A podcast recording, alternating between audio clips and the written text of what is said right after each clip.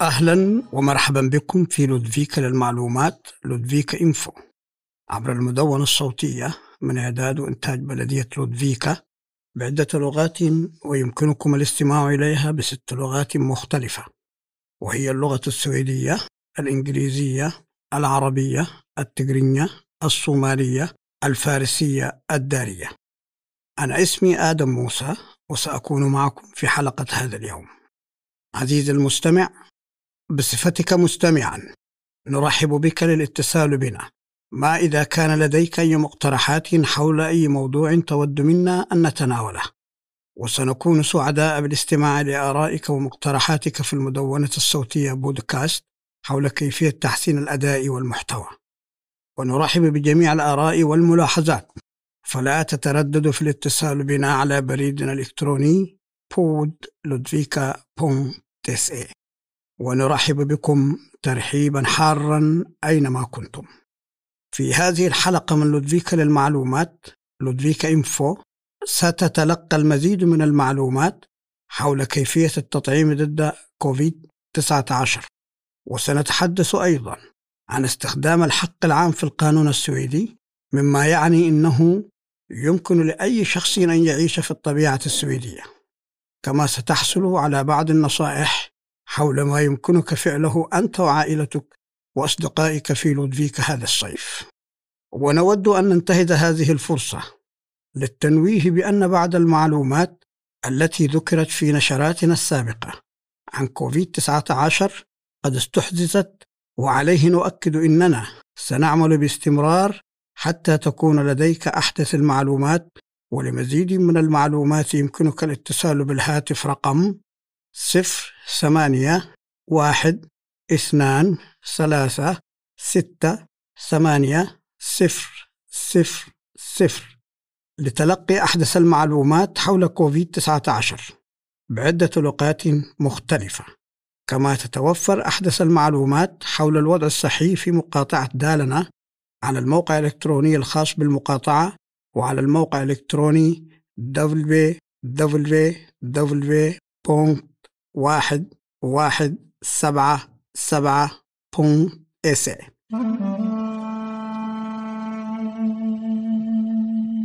أخبار لودفيكا ودالنا نبدأ حلقة اليوم. ببعض المعلومات حول التطعيم ضد كوفيد 19 وتهدف وكالة الصحة العامة السويدية. تلقيح أكبر عدد ممكن من الأشخاص ذلك أن كوفيد 19 مرض معدي. والتطعيم هو أفضل طريقة لتجنب الإصابة بمرض بمرض خطير أو الموت من جراء المرض. ويمكن أن يساعد التطعيم أيضا في الحد من انتشار كوفيد 19 في المجتمع. ولهذا يكون من المهم اختيار الكثير من الناس للتطعيم.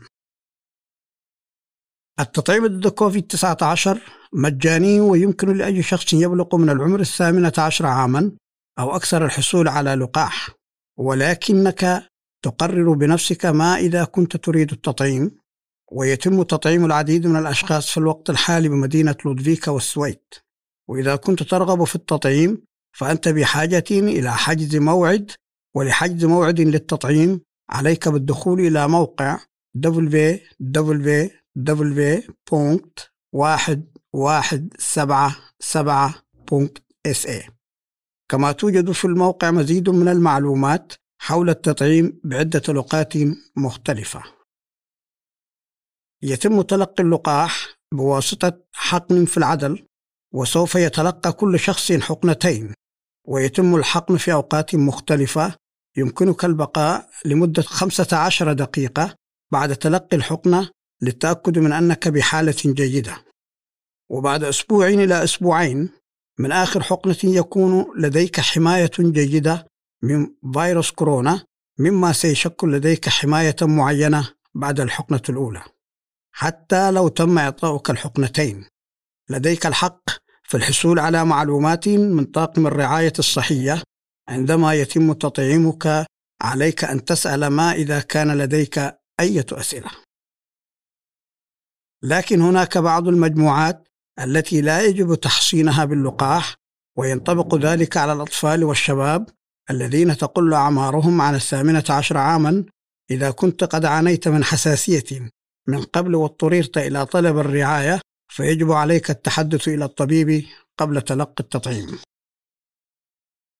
يشمل التطعيم الأشخاص طالبي اللجوء في السويد وليس لديهم تصريح إقامة يمكنهم الحصول على التطعيم إذا أرادوا ذلك دون مقابل. وإذا كنت طالب لجوء وترغب في حجز موعد لتلقي التطعيم عليك الاتصال بمقاطعة دالنا على هاتف رقم صفر واحد صفر اثنان أربعة تسعة تسعة اثنين ثمانية ثمانية. ويمكنك الاتصال من الاثنين إلى الجمعة بين الساعة الثامنة صباحا والساعة الثانية ظهرا.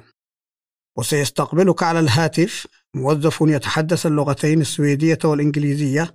يمكنه مساعدتك في حجز موعد للتطعيم حتى لو لم يكن لديك الرقم الوطني أو الرقم القومي.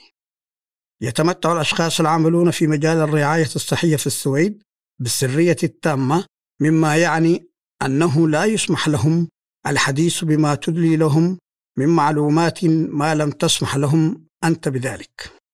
المعلومات التي تقدمها لموظفي الرعاية الصحية أو المترجم لن تؤثر على فرصتك في البقاء في السويد.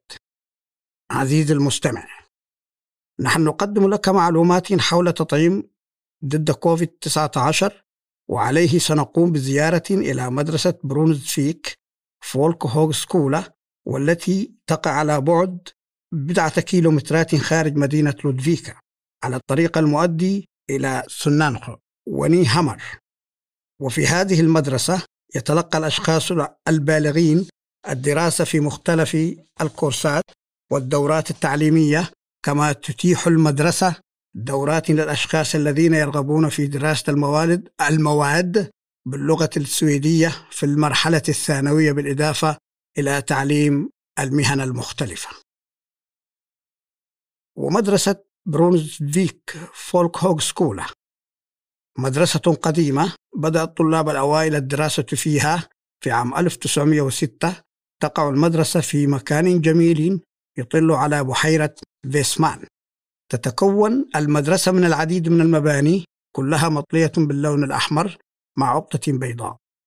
وبالإضافة إلى أنشطة مدرسة بروزفيك فولك هوغ سكولا فإن بلدية لودفيكا لديها أيضا نشاط هناك حيث تقوم إدارة سوق العمل والاندماج بتدريس اللغة السويدية وسيتحدث محمد وافي وهو معلم تربوي أكثر حول ما تقوم به بلدية لودفيكا في مدرسة برونسفيك فولك هوغسكولا ولماذا يكون من المهم تعلم اللغة السويدية Vår verksamhet är grundad efter att bemöta varje individens behov.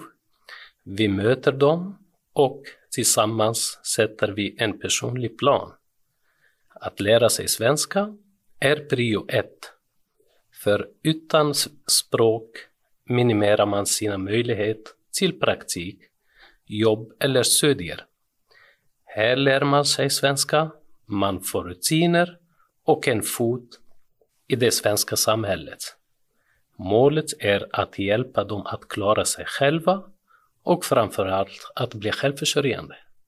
سيواصل الأشخاص الذين يدرسون اللغة السويدية في مدرسة برونسفيك فولك هوغ سكولا المدرسة الشعبية الثانوية دراستهم حتى خلال فصل الصيف. بينما أغلقت مدارس الأطفال والشباب خلال الصيف ذلك أن الأطفال لديهم إجازة صيفية من حزيران يونيو إلى آب أغسطس وتنظم بلدية لودفيك عادة العديد من الأنشطة الترفيهية للأطفال المؤجزين من المدرسة. وهذا لا يتعلق بالأطفال خلال العطلة الصيفية فقط وإنما في الإجازات والعطلات الأخرى. وبسبب جائحة كورونا تحتاج تلك الأنشطة إلى تكييفها مع القواعد المطبقة. وإذا كان لديك أطفال وترغب في معرفة ما إذا كانت البلدية قد خططت لشيء بهذا الخصوص وتريد أن تكون جزءا منه فيمكنك الدخول إلى موقع البلدية الإلكتروني www.ludvika.se عزيزي المستمع هل أنت من هواة التمارين الرياضية؟ يوجد في لودفيك العديد من صالات الألعاب الرياضية حيث يمكن لمن يرغب في رفع الأثقال أو ممارسة الرياضة أن يكون عضوا فيها وعندما تكون عضوا في صالة الألعاب الرياضية فإنك تدفع رسوما للتدريب في تلك الصالة وتوجد حاليا صالة جديدة خارجية للألعاب الرياضية تقدم تدريبا مجانيا وتقع هذه الصالة الرياضية على ضفاف بحيرة ديسمان يمكنك الوصول إليها عبر الجسر العابر فوق محطة الحافلات والقطارات المؤدي إلى بحيرة فيسمان. خذ الدرج إلى الأسفل واتجه يسارا بعد الممشى بجانب البحيرة. ستأتي إلى مبنى باللون الأصفر.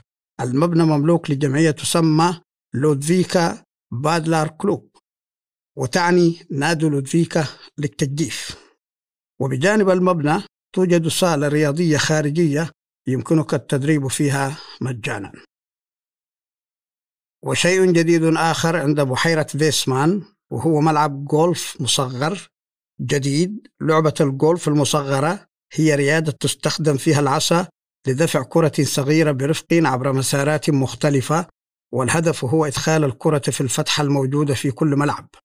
تبدو المسارات مختلفة وقد يكون من الصعب الوصول إلى الحفرة ويفوز الشخص الذي يدخل الحفرة يدخل الكرة في الحفرة بأقل عدد من الضربات. لعبة الجولف المصغرة مكلفة ماديا ويتم الدفع مقدما عند المدخل. إذا كنت تريد السباحة في مسبح لودفيكا عليك الانتظار لبضعة أسابيع أسابيع أخرى. المسبح مغلق حاليا بسبب جائحة كورونا وسيفتح مسبح الصالة الرياضية في السادس والعشرون من شهر تموز يوليو إذا لم تحدث أي تغييرات جديدة. أما مسبح جرينجسبيري فإن إدارته وضعت خطة لافتتاحه بعد الصيف. إذا كنت من سكان شارع جرو جوس فيغن في لودفيكا يمكنك الحضور إلى الاجتماع الذي سوف تنظمه بلدية لودفيكا للحديث حول ما تخطط للقيام به في المنطقة الواقعة بين جروس فيغن والبحيرة. وقد أطلقت البلدية على الاجتماع بأنه حوار بين المواطنين والبلدية وتقوم بلدية لودفيكا بتنظيم الاجتماع للقاء الأشخاص الذين يعيشون في المنطقة وإتاحة الفرصة لهم للتعبير عن آرائهم ومقترحاتهم وستقوم بلدية لودفيكا بتنظيم تجوال على الأقدام وتقديم القهوة وستعقد ثلاث اجتماعات في نهاية شهر آب أغسطس القادم وسوف تتلقى رسالة في صندوق بريدك الخاص لمزيد من المعلومات. عن أيام الاجتماعات.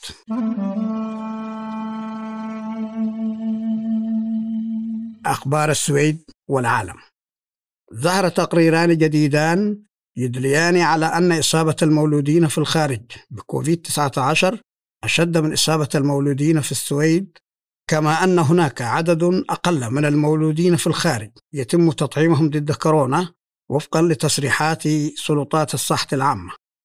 ويعتبر كبار السن أكثر عرضة للإصابة بأمراض خطيرة أو الوفاة بكوفيد 19 وقد تم تطعيم 91% من بين الأشخاص الذين تزيد أعمارهم عن 80 عاما والمولودين في السويد بينما تم تطعيم 59% فقط من بين الأشخاص من نفس العمر من المولودين في شمال أفريقيا. أما نسبة الأشخاص من المولودين في بقية أفريقيا هي 44%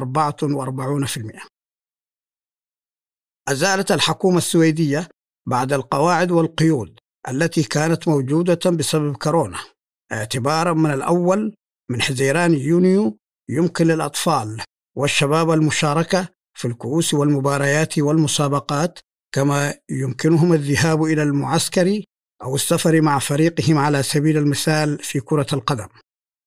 يمكن للأشخاص المشاركة أكثر من ذي قبل في التجمعات الدينية والمناسبات الثقافية والريادية وهذا يعني أنه يمكن لعدد أكبر من الناس الذهاب إلى الكنيسة أو المسجد أو الذهاب إلى المسرح أو مباراة لكرة القدم. إذا كان كل لكل شخص مقعد فيمكن أن يصل عدد المشاركين إلى خمسين مشاركا داخل القاعة أما إذا كان خارج القاعة فيمكن مشاركة مئة شخص كحد أقصى بدون مقاعد. أما مع المقاعد يمكن أن يشارك ما يصل إلى 500 مشارك. فتحت المطاعم اعتبارا من الأول من يونيو الجاري لفترة أطول في الفترة المسائية حيث يمكنك الآن تناول الطعام في المطعم حتى الساعة العاشرة والنصف مساء. أما فيما يتعلق الأمر بالحفلات ووجبات العشاء والاجتماعات الخاصة الأخرى فإن سلطات الصحة العامة السويدية تريد في الوقت الحالي أن تكون اللقاءات بين العائلات فقط أو عدد قليل من الأصدقاء ولا يجوز لك استئجار غرفة وإقامة حفلة خاصة لأكثر من ثمانية أشخاص. ولكن ترقبوا القواعد الجديدة القادمة في الأول من تموز يوليو حيث تخطط الحكومة. لتغيير القواعد التي تتعلق بالكورونا في مراحل مختلفة. والخطة هي أن تكون القواعد أقل صرامة خلال الصيف والخريف. إذا كنت تريد معرفة المزيد حول كيفية تخطيط الحكومة السويدية لانفتاح المجتمع السويدي فهناك المزيد من المعلومات على موقع www.regeringen.se ونتحدث الآن عن الديمقراطية حيث تحتفل الديمقراطية في السويد هذا العام بمرور مئة عام. مرت مئة عام منذ أن سمح لكلا الجنسين من النساء والرجال بالتصويت في انتخابات البرلمان السويدي لأول مرة ويقرر السياسيون في البرلمان السويدي ريسدوغ كل ما يتعلق بأمور البلاد كلها حيث يوجد 349 سياسيا في البرلمان السويدي. ويطلق على هؤلاء السياسيون أعداء البرلمان السويدي جميع المواطنين السويديين لديهم حق التصويت لاختيار من يكون عضوا في البرلمان السويدي ولكي يسمح لك بالتصويت يجب أن تكون قد بلغت الثامنة عشر عاما من العمر. وتجري انتخابات البرلمان السويدي كل أربع سنوات في السويد وستجري الانتخابات القادمة في عام 2022 عندما يتزوج الشخص بأكثر من شخص يسمى ذلك تعدد الزوجات وهذا ممنوع في السويد إلا أنه يكون مسموحا إذا كان الأشخاص متزوجون بالفعل عند قدومهم إلى السويد. والآن سيتم منع ذلك بقرار من البرلمان وفي عام 2017 عاشت 169 عائلة متعددة الزيجات وفي هذه الحالة عادة ما يكون للرجل عدة زوجات وقد عاش ما يقرب من 800 طفل في أسر متعددة الزيجات. أظهر ذلك تقرير مصلحة الضرائب السويدية وأن هؤلاء الأشخاص سوف يستمرون في حياتهم الزوجية. ولكن اعتبارا من الأول من تموز يوليو من هذا العام سوف لن تتم الموافقة على تعدد الزوجات وإذا أتت أسرة إلى السويد. وكان للرجال للرجال عدة زوجات فلن يكون ذلك قانونيا هنا في السويد. ولن تتم الموافقة عليه. وسيتعين على الشكل على الشخص الزواج من شخص واحد فقط هنا في السويد. وقد شكل ذلك مشكلة بالنسبة للزوجات الأخريات اللائي لم يحصلن على نفس الحقوق على سبيل المثال الميراث والسكن والمال ولذلك يمكن أن يكون هناك استثناء إذا تعرض شخص ما لضرر شديد. وهذا يعني أنه لا يزال من الممكن الموافقة على بعض تعدد الزيجات في حالات خاصة. المترجمون الطبيون هم مترجمون شفويون يخضعون لاختبار خاص لمن يعرف الكثير عن الصحة والرعاية الطبية. وهناك نقص كبير في المترجمين الطبيين في السويد في العديد من اللغات حيث لا يوجد مترجم طبي واحد معتمد بحسب الإذاعة السويدية. ويتمتع المترجم الشفوي المعتمد بمعرفة جيدة لإثبات أنه جدير بالوظيفة. من خلال عمل اختبارات لإثبات ذلك وذكرت الإذاعة السويدية أنه لا يوجد مترجمون طبيون يتحدثون الصومالية أو الدارية أو الأردية وهذا يعني أن الأشخاص الذين لا يتحدثون السويدية والذين يسعون للحصول على رعاية طبية لا يمكنهم الحصول على مساعدة الترجمة التي يحق لهم الحصول عليها وفقا للقانون.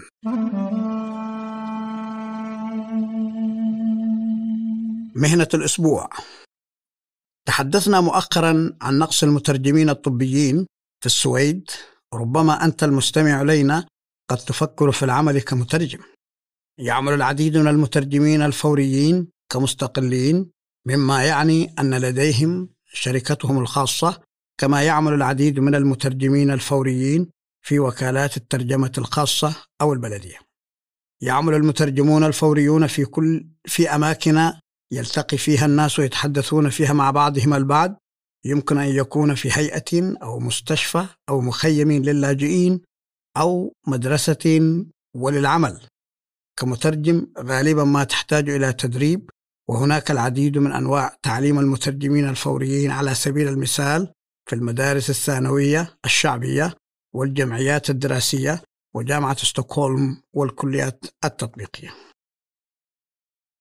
كمترجم غالبا ما تعمل في أوقات مختلفة في اليوم ويتم توجيه عملك عند الحاجة إلى مترجم ومتوسط راتب المترجم يقارب 32 ألفا وثلاثمائة كورونا سويدية في الشهر. ولكي تصبح مترجما معتمدا تحتاج إلى إجراء اختبار عبر مجلس للنواب للحصول على الموافقة. يجب أن تكون لديك مهارات لغوية جيدة ومعرفة كبيرة بالمجتمع السويدي. هذا يعني أنه يجب أن تعرف على سبيل المثال عن الرعاية والتمريض وسوق العمل والتعليم والقضاء والهجرة في السويد.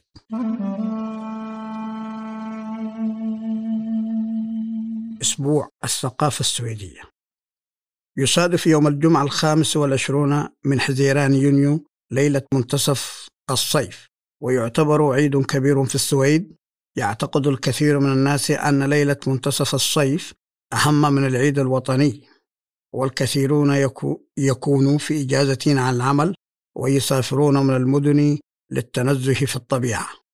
ويحتفل الكثير من الناس بليلة منتصف الصيف بطريقة تقليدية حيث تقام في العديد من المدن احتفالات كبيرة يمكن للجميع المشاركة فيها.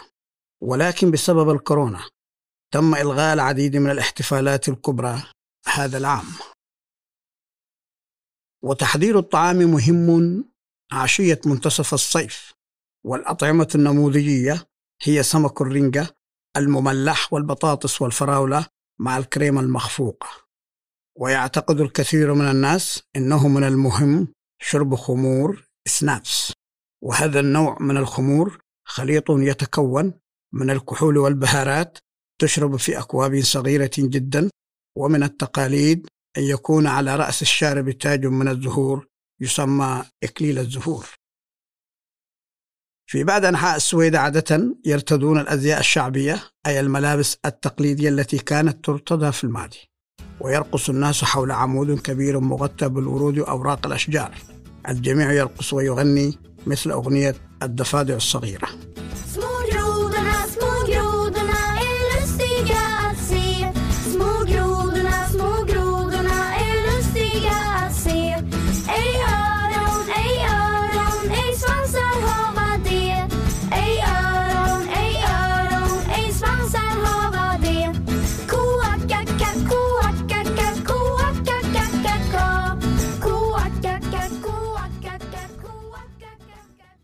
نصائح هذا الأسبوع.